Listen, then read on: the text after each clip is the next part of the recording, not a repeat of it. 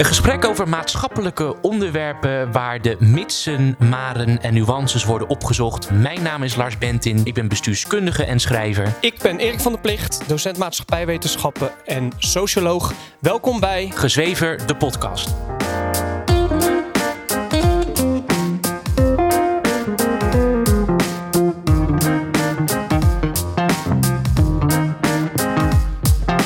Goeiedag Lars. Goeiedag. Ja, nou, leuk je weer uh, te zien, want waar wil jij het over hebben deze week? Waar ik het over wil hebben is uh, identiteitspolitiek. Het brandt in mij toch al heel erg lang ja. om daar iets over te zeggen.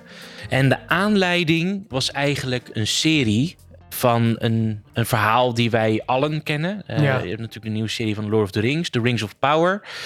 En daar kwam een, een teaser van, die op de Super Bowl werd gepresenteerd en daarna over heel de wereld. En daar was heel veel hijsen over. Dames en heren, Lars is echt een Lord of the Rings kenner. Ja, klopt. Eh, ja. We hebben natuurlijk die films gehad, fantastische films. En nu wordt er een serie gemaakt. Ja. Kun je daar wat meer over vertellen? Ja, het verhaal van, van The Rings of Power, van de series die, die worden gemaakt door Amazon, Ja. gaat over een aantal duizend jaar voor de films. Eh, dat verhaal Ja. vindt daarvoor dus plaats. Je hebt The Hobbit, je hebt The Lord of the Rings en Tolkien heeft nog een aantal andere boeken geschreven, zoals de, de Silmarillion. Ja. En de Silmarillion gaat eigenlijk over de, het ontstaan van het universum ja. waarin The Lord of the Rings en The Hobbit plaatsvinden. En Dus al die duizenden jaren. Dus eigenlijk de origin story van. Middle-earth en alles daaromheen. Precies, ja. En hoe eh, de Rings of Power eh, werden gecreëerd.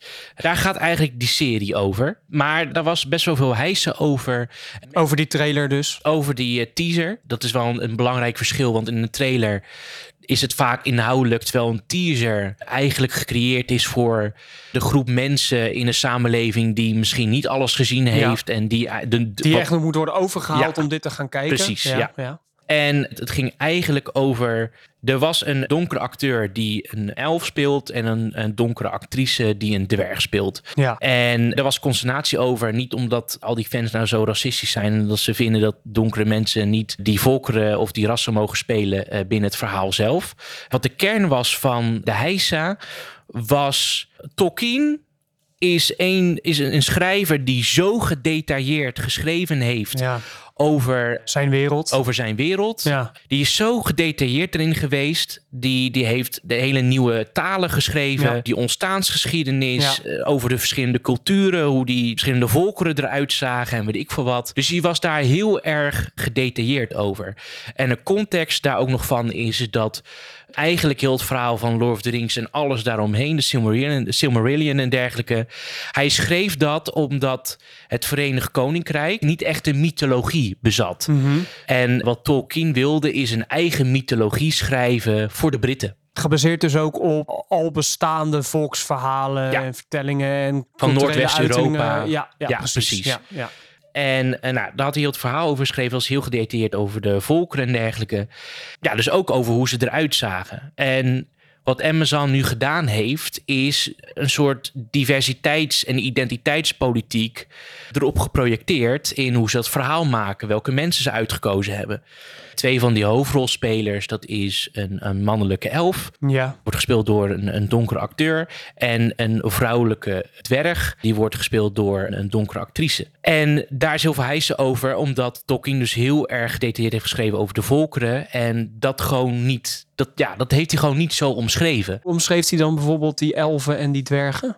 Verskind waren de elfen. Witte huid bijna. Ja, witte huidskleur. Ja. Ja. lang haar. Ja. En dan heb je de dwergen. Nou, de vrouwelijke dwergen waren, die, die zijn niet te onderscheiden van de mannelijke dwergen. Ja. Hadden ook baardgroei. Hadden en, eh, baardgroei, inderdaad. En dat, dat, is nu, dat is nu ook niet eh, Nee. in die teaser. Dat was gewoon een, ja, gewoon een vrouw. Nou ja, die, die dwergen zijn dus eh, over het overgrote deel van hun ontstaansgeschiedenis... en van überhaupt van hun bestaan zitten ze onder de grond. En daar komt gewoon geen donkere huidskleur vandaan. Want dat wordt natuurlijk veroorzaakt door eh, generaties lang onder de, de zon leven... waarbij je dus een donkere huid krijgt. Dus die combinatie daarvan dat het en niet realistisch is... en het gewoon diametraal tegen het verhaal... in ieder geval de essentie van eh, Tolkien ingaat... wat Tolkien geschreven heeft... is er consternatie ontstaan. eh, namelijk van waarom moeten er donkere mensen in? Hij heeft dus aan, Amazon heeft dus aangegeven dat het voor hen natuurlijk op een natuurlijke manier. Uh, voor, voor hen op een natuurlijke manier overkwam dat ze het verhaal moesten schrijven en de serie moesten maken zoals de wereld er vandaag de dag uitzag. Oké, ja. Uh, uitziet. En dan moet je jezelf afvragen: ja, maar maak dan een andere serie. Uh, je moet niet een. een uh, verder gaan op een verhaal wat iemand geschreven heeft. En tegen dat, die authenticiteit van het verhaal ingaan. Oké, okay, want dat is ook een van de punten, denk ik, die je vandaag wil maken. Is dat Tolkien heeft het verhaal geschreven op de manier zoals hij dat voor zich zag. En jij zei ook net, heel specifiek, dat dat verhaal een bepaalde essentie heeft. Ja. Maar je zou ook van de andere kant kunnen kijken en kunnen zeggen van... is de huidskleur die Tolkien heeft omschreven bij elfen vers kind, is dat daadwerkelijk essentieel voor het zijn van een elf. Omdat het gaat namelijk om een cosmetisch, een esthetisch aspect van die karakters. Is dat wat jou betreft dan ook echt daadwerkelijk essentieel? Of is het iets wat je wel gewoon zou kunnen veranderen? Nou, Amazon heeft ook in zo'n interview heeft het gezegd van ja, we laten een uh, verhaal zien wij schrijven een verhaal die Tolkien nooit geschreven heeft. Ja. En uh, daarin kom je ook gelijk bij de essentie. Amazon wil gewoon een bepaalde boodschap overbrengen. En dat is de boodschap van representatie en diversiteit. een inclusieve boodschap. Dus uh, er moet een percentage van de personages die ze afbeelden in, in die serie moet een bepaalde huidskleur hebben, moet een bepaalde afkomst hebben om representatief te kunnen zijn voor de wereld waarin we leven. Ja. Het is een verhaal gecreëerd voor de Britten, een, een, een Noord, voor het noordwesten van Europa.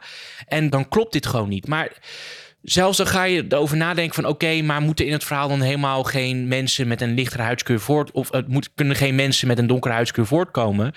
Ook Tolkien heeft volkeren omschreven in het verhaal van andere culturen die daarin thuis horen. Met uh, natuurlijk andere huidskleur en dergelijke. Maar het wordt dus je merkt dus dat het geforceerd wordt. Het is een geforceerde boodschap, terwijl ze dus tegelijkertijd aan de authenticiteit van het verhaal komen. Ja. En dat frustreert natuurlijk heel erg veel mensen. Wat mensen ook heel erg frustreert, is uiteindelijk het feit dat gemeten wordt met twee maten. Want je hebt natuurlijk de, de bekende Marvel-film Black Panther, Mhm. wat, wat specifiek gaat over Afrikaanse helden, een Afrikaans volk. Daarin zie je die diversiteitsboodschap dus niet. Dus voor westerse eh, verhalen, mythologieën, zie je dus dat er een soort diversiteitsboodschap geforceerd wordt, terwijl het, als het over andere culturen gaat, het dus niet gebeurt. Eh, net zoals bijvoorbeeld bij Black Panther, want dan ja, had er ook ergens een Aziatisch persoon of weet ik veel Ja. wat dan in, eh, in de plaats moeten komen. Oké, nou je, je omschrijft eh, deze, deze casus, daar, daar begin je nu mee. En hoe sluit dat aan bij identiteitspolitiek waar jij het vandaag over wil hebben? Ja.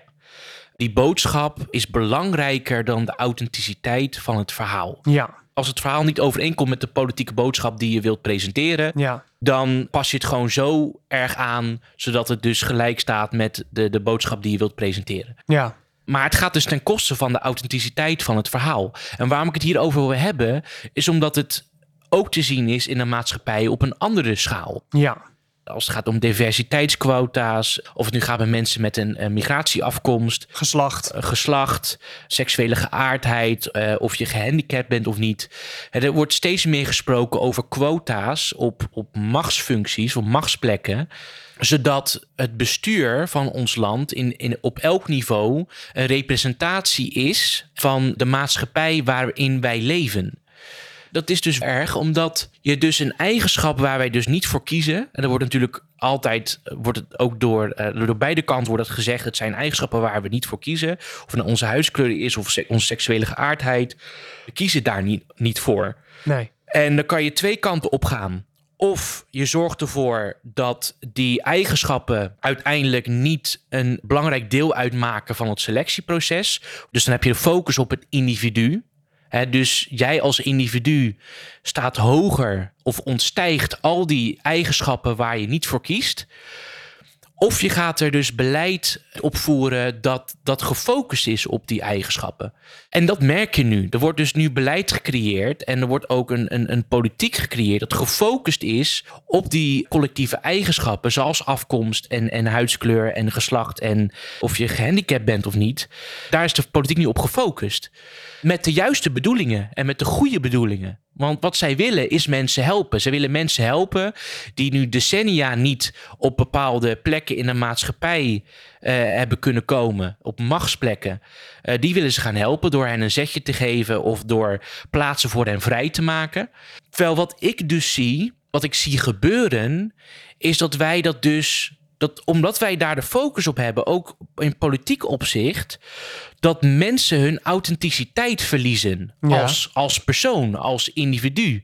Dus heel hun leven, heel hun werkelijkheid, hun geschiedenis, wat zij meegemaakt hebben als individu, wordt opzij geschoven door eigenschappen die er eigenlijk uiteindelijk niet toe, niet uh, toe zouden moeten doen. doen. Niet toe horen te doen. Ja. Ja. Wat, wat misschien een, een, een concreet voorbeeld is, en daar wil ik een, een stukje van, uh, van voorlezen. Ja. Dat was in een interview van, uh, van Elsevier. Ja. En dat interview was met Jos de Voogd. Hij is mede-auteur van Atlas van Afgehaakt Nederland dat boek gaat over uh, de democratie en over de mensen die afgehaakt zijn, ja, die niet meer meedoen ja. in het democratisch proces. Ja. Of mensen die dus stemmen op uh, protestpartijen zoals PVV en dergelijke. Mhm. En hij zegt dus op een gegeven moment in dat interview. Door mijn gezondheid sta ik dubbel in het woke- en diversiteitsdebat. Als je echt een inclusieve werkomgeving wilt, dan hoor ik er met mijn beperkingen ook bij. Maar daar gaat woke zelden over. Dat gaat bijna alleen maar over zichtbare factoren waarmee je goede sier kunt maken. Het gaat over gender en een klein beetje over etniciteit. Andere vormen van diversiteit en achterstand, zoals gezondheid en regio, doen er niet toe. Het woke-debat lijkt de machtsstrijd binnen de elite. Jonge, kansrijke vrouwen krijgen onder het mom van gendergelijkheid mooie posities. Omdat ze oudere mannen met vaste contracten niet wegkrijgen, worden jonge mannen, ook talenten met een beperking, geweerd. Die worden de geprivilegeerden genoemd en moeten niet zeuren. Als kwetsbare moet je maar hopen dat woke jou hip vindt. En wat hij dus heel erg goed laat zien, hij is beperkt, heeft een aantal ziektes die hij al jaren heeft, heel zijn leven al heeft, waardoor hij dus niet volledig kan functioneren. Zegt hij dus van, nou ja, zij doen dus aan inclusiviteitspolitiek, maar ik hoor daar dus niet bij, want ik ben een witte man. Ja. En zij ontkennen dus uiteindelijk heel zijn individualiteit, heel zijn authenticiteit als mens. Maar hij laat dus heel goed zien hoe je dus behandeld wordt met identiteitspolitiek, namelijk op basis van eigenschappen waar je niet voor gekozen hebt. En ik vind dat heel erg zorgelijk uiteindelijk, omdat je dan een maatschappij creëert wat niet meer die vooroordelen ontstijgt, maar die vooroordelen gaat gebruiken, Gebruiken in het... in, in een eh, machtsstrijd. Ja.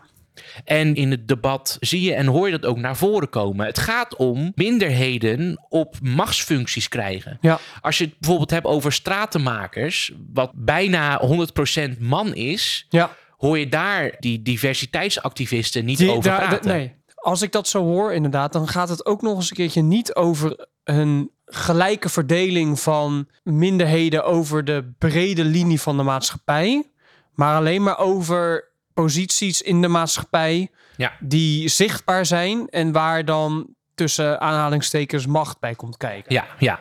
En dat begrijp ik vanuit minderheidsgroepen wel. Want als je een, een machtige positie bekleedt, of als een, iemand die jou representeert een machtige positie bekleedt, dan heb jij invloed. Maar het gaat mij dus om die motivatie. Het, het, het gaat dus niet per se over rechtvaardigheid of over sociale rechtvaardigheid. Het gaat over macht. En als je het daar dus voor doet, hè, als het om macht gaat, Ja, dan vind ik dat heel het moreel fundament daaronder vandaan gehaald wordt. Heel Ja. het moreel fundament wordt, eh, eh, wordt, wordt verbroken. kun je dat, kun je dat eh, uitleggen? Het gaat dus niet meer om de mensen, maar het gaat dus om invloed en macht. Ja, Dus je doet alsof je voor mensen opkomt, terwijl je dus eigenlijk ruimte wil creëren voor specifieke groepen of mensen om machtige functies te kunnen bekleden. Ja. En dan denk dus van, moeten wij als samenleving niet kiezen om namelijk het individu belangrijker maken dan het collectief? Ja. Het individu belangrijker maken dan de collectieve eigenschappen waar individuen dus niet voor gekozen hebben. Want als je dat zou doen, kan je alsnog benoemen hè, dat bepaalde groepen machtige functies bekleden. Maar dan hoef je er dus niet voor te kiezen om vuur met vuur te bestrijden. Het zijn immorele handelingen en middelen om een. Om een zogenaamd moreel doel te, Ja. te behalen, ja. Het doel heiligt de middelen. Ja, Ik geloof er gewoon niet in dat je immorele handelingen kunt goed praten om een bepaald doel te bereiken. Je kan niet racistische handelingen of discriminerende handelingen verrichten om die onrechtvaardigheid die je wilt bestrijden, namelijk discriminatie of raci- racisme, om dat, om, om, om, om dat goed te praten. Dat kan gewoon niet. Je kan niet zulke handelingen goed praten om zo'n doel te bereiken, om Nee. rechtvaardigheid te bereiken. We, we zien, we zien representaties van groepen ja. Als eerste. In plaats van dat we personen en individuen Ja, zien. ik begrijp- en en daar, zijn we al, daar zijn we al op, een- op een natuurlijke wijze toegeneigd. Ja. Want mensen discrimineren Ja. eh, En, van maar dat wordt ja, dit is heel interessant. Wat je dus eigenlijk zegt is dat waar we eigenlijk in onze liberale westerse cultuur op zouden moeten letten is op de persoon ja, en wat die persoon kan en de talenten die die persoon heeft en hoe die persoon zich afscheidt of tenminste anders is dan anderen ja, personen, individuen.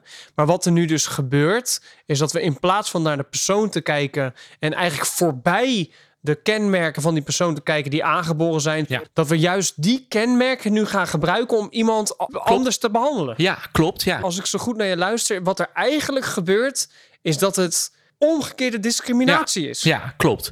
En, en dat niet alleen. Eh, Waar wij als liberale samenleving tegen mensen zeggen: je kan dat onderscheid van groepen waar je misschien vanuit afkomst vandaan komt, kan je ontstijgen als persoon, als Ja. individu, om je eigen toekomst te kiezen. Ja. Dat is eigenlijk wat wij al decennia lang zeggen. Ja, dat wordt. En- en- ja. En, en eigenlijk wat we dus nu doen, is dat volledig te niet doen met goede bedoelingen. We kijken dus vaak heel, en dat hoor ik ook van politici en van mensen die voor quota zijn. Ze kijken heel pragmatisch, pragmatisch naar. naar dit soort quota. Terwijl je goed moet beseffen dat dit zo erg tegen onze waarden ingaat als liberale maatschappij, waarin we tegen individuen zeggen: als je je best doet, als je hard werkt, als je de ketenen van je afkomst of van je huidskleur of van je culturele opvoeding, als je die van je afwerpt, dan kan je je eigen leven bepalen. Dat is, dat is wat wij als samenleving al heel erg lang roepen. En dat, dat maken we nu teniet door ze weer vast te ketenen aan die eigenschappen waar ze niet voor gekozen hebben. En door te zeggen, je kan alleen door geforceerd beleid komen waar je wilt komen. Ja. Voor de rest word je in alles tegengewerkt en dan kan je er niks aan zelf aan ja, doen. ik- begrijp wat je bedoelt. En dit sluit ook gelijk aan bij wat ik ook vaak hoor van mensen uit onder andere het bedrijfsleven waar dan bedrijfsquota gelden. Nou, ik, ik ken trouwens iemand, eh, zij is vrouw, zij werkt bij een zeer succesvol bedrijf. Maar wat je wel hoort is dat zij ook van andere vrouwen hoort in het bedrijf dat ze bang zijn. Dat ze zijn aangenomen niet omdat ze kunnen, maar omdat ze vrouw zijn. Ja, Wat geeft een mens zelfvertrouwen dat jij hebt gestudeerd of geoefend of jezelf hebt ontwikkeld in een bepaald gebied ja, en daar uiteindelijk voor wordt beloond? Wat gaat daar lijnrecht tegen in? Aangenomen worden vanwege een aangeboren kenmerk, in dit geval je geslacht. ja, Ik zou mij echt heel erg onzeker gaan voelen als ik ben aangenomen, puur omdat ik kaal ben en ze een kale quotum hebben. Dus dat zou ik echt verschrikkelijk vinden. Ja. Wij halen heel erg onze zelfwaarde ook uit het werk wat wij doen, Ja. omdat we daar met vallen en opstaan steeds beter in worden. ja, klopt. Ik vind dat inderdaad zeer zorgwekkend, omdat de meritocratie, waar we in zouden horen te leven, wat een prachtig ideaalbeeld is, het idee dat je wordt beoordeeld op wat je kan in plaats van wie je bent, opzij wordt geschoven Ja. In een situatie die jij dus omschrijft, waar je dus wordt aangenomen vanwege je, je identiteit. ja, weet je, binnen de politiek, ik, ik is natuurlijk, ben natuurlijk al een tijdje actief in de politiek, merk ik dat Ja. ook. Ja, vertel. Dat er ook zulke beslissingen worden genomen. Dat sommige mensen op lijsten terechtkomen, bepaalde posities krijgen vanwege identiteitspolitiek. Want we moeten een persoon hebben van een bepaalde afkomst. Ja, Of we moeten een persoon hebben met een bepaald geslacht. ja, Ja, ik vind, ik, vind dat, ik vind dat zo triest. Ik vind dat zo erg. Ik kan er zo boos om worden.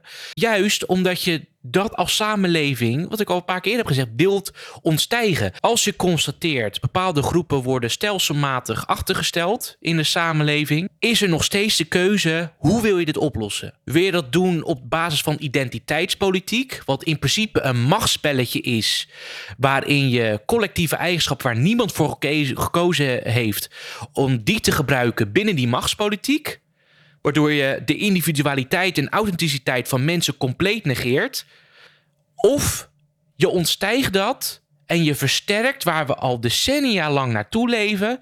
Namelijk nogmaals bevestigen, niet alleen in de maatschappij, maar ook binnen de politiek, dat die collectieve eigenschappen niet uit moeten maken. En je als individu daarboven, dat je dat kan ontstijgen en verder kan komen en de top kan bereiken ja. dan moet je in alles afwegen met elke beleidskeuze die je maakt. En we hebben nu de afgelopen jaren de, vers- de, de verkeerde beslissingen genomen, de verkeerde beleidskeuzes gemaakt, waardoor we dus van die vrije liberale samenleving aan het, aan het weggaan zijn met de goede bedoelingen. En dat is het erge, want het zijn goede bedoelingen.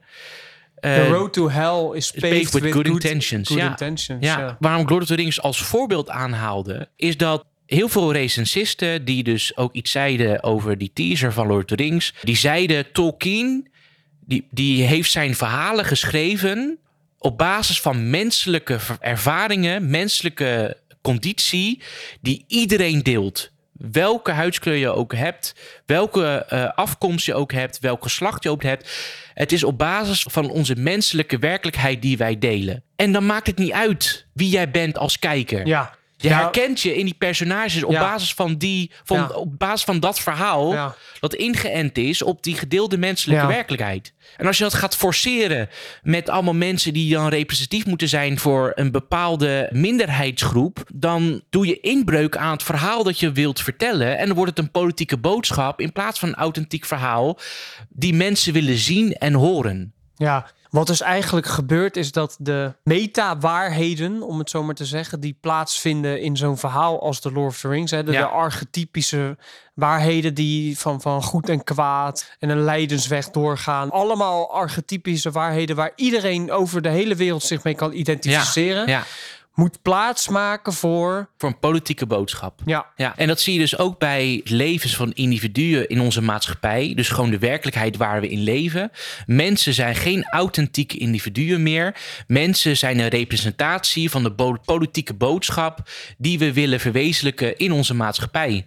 Mensen moeten onderdeel worden van een politiek doeleinde. En dat zie je in die, in die identiteitspolitiek.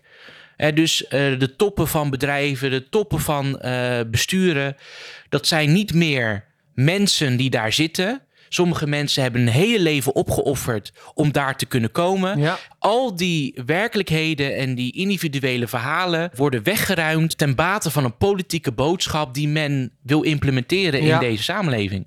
Wat ik vind is dat het benoemen van de problemen als er discriminatie en racisme is, zoals het toeslagenschandaal, is een heel concreet voorbeeld. Moet je benoemen. Iedereen is dan ook geschokt als eh, men het hoort. Eh, dus het, het benoemen van de problemen die er zijn moet blijven plaatsvinden. Maar ik denk door het verbeelden en het beschrijven van discriminerende en racistische gebeurtenissen in onze maatschappij. Als dat gebeurt, komt er op de langere termijn een verandering. De verandering vindt al plaats terwijl we leven. Heel veel mensen willen dat het binnen vijf of tien jaar dat het allemaal is opgelost. Maar dat gaat niet. Als het op een menselijke manier of een menswaardige manier moet plaatsvinden, die verandering, wat we allemaal willen, moeten we geduld hebben. Want onze maatschappij wordt diverser, onze samenleving wordt diverser en er is steeds meer oog voor minderheden. Dus die verandering komt er wel. forceer dat niet. Want dan, als je het gaat forceren, gum je die individualiteit weg en die authenticiteit van mensen. Dus Ja. dat. Nou, dankjewel weer eh, voor vandaag. Ja, was een. eh, Ik vond het weer een goed gesprek. ja, ja, insgelijks. En eh, tot volgende week. Tot volgende week. Joep.